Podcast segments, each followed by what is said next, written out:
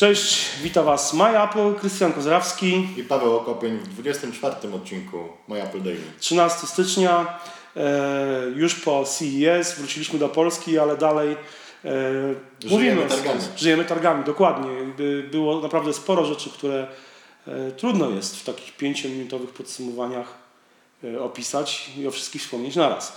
E, wracamy więc do targów, zaczynamy od czego? Może od Nikona. No, Nikon pokazał nową taką lustrzankę dla początkujących. To jest D5500. Tak? 500, tak. Wcześniejszy model był D5300. Podobno 5400 nie ma ze względu na czwórkę w nazwie. Japończycy są przesądni. Dla nich czwórka wymawia się tak samo jak śmierć. Aha. Więc to jest taka ich trzynastka. Też nie ma w samolotach na przykład podobno czwa- czwartego rzędu w, japońskich liniach lotniczych i czwartego piętra czasami nie ma w budynku.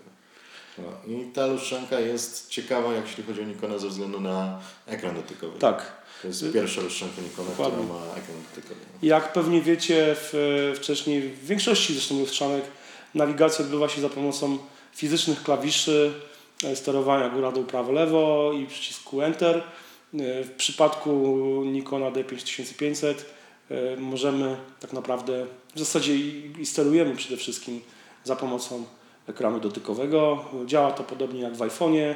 Mm, Mamy do dyspozycji nie tylko pojedyncze dotknięcie, ale także gesty powiększania, To pomniejszania. się na pewno przyda też dlatego, że aparat ma Wi-Fi, więc zawsze udostępnianie jakichś zdjęć bezpośrednio z aparatu będzie łatwiejsze dzięki ekranowi. Zde- Zdecydowanie tak.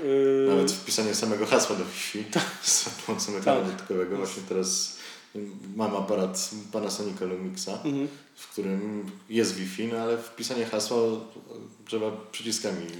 No jest, jest to męczące. Ja wiem, jak czasami muszę wpisać hasło w Apple TV za pomocą pilota. Więc No, to jest, tak.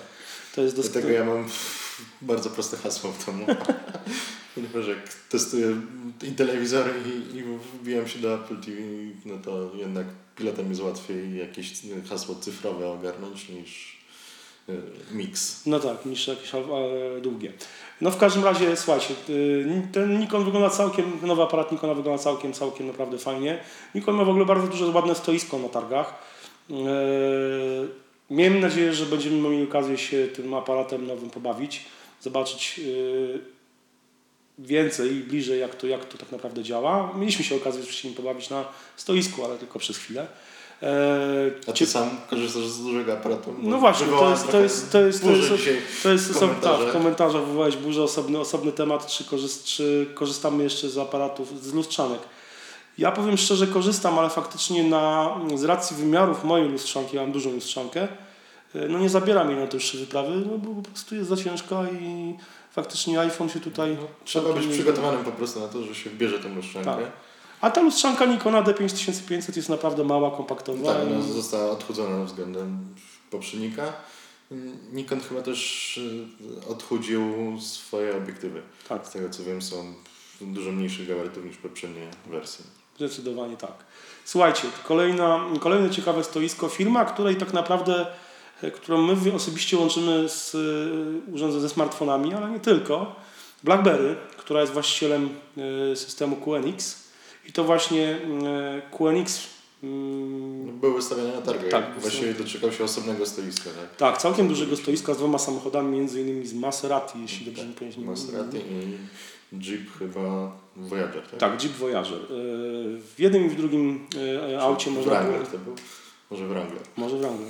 W jednym i drugim aucie, słuchajcie, można było przyjrzeć się działaniu systemu QNX na żywo. E, dodatkowo w Maserati oczywiście, Maserati było wyposażone w system e, CarPlay. E, my zajęliśmy miejsca w Jeepie i mieliśmy okazję mm, prześledzić pełne demo nowego systemu. Oczywiście system QNX to jest system pokładowy, który jakby ogarnia wszelkie sprawy związane z prowadzeniem samochodu, od nawigacji, poprzez zarządzanie klimatyzacją, ustawieniami dźwięku, ustawieniami samochodu, e, wszelkiego rodzaju e, powiadomieniami i ostrzeżeniami związanymi, związanymi z tym, co dzieje się na drodze, na przykład po, po ostrzeżeniami o możliwej kolizji. E, Nowy QNX oczywiście wyposażony jest także w przeglądarkę internetową, taką jak w, jak w smartfonach BlackBerry. I umożliwia także instalowanie aplikacji pisanych w HTML5. Na pokładzie było kilka tego typu programów. QNX jest też podstawą do tego, co tworzą producenci poszczególnych tak, samochodów. Tak. Sam Apple CarPlay też jest oparty o QNX. Oczywiście. Znaczy wsparcie dla Apple CarPlay tak. jest oparte oczywiście. Ale no, jak gdyby podstawa samego tak. CarPlay też jest właśnie tak. napisana chyba w QNXie z tego. Tak.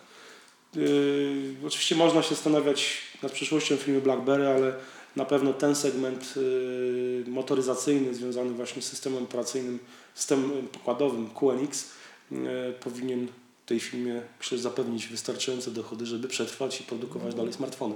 No widać, że dużo firm przechodzi na ten biznes to biznes. Tak. I dla Panasonica jest to spory ratunek i myślę, że dla BlackBerry tak, też. Dokładnie.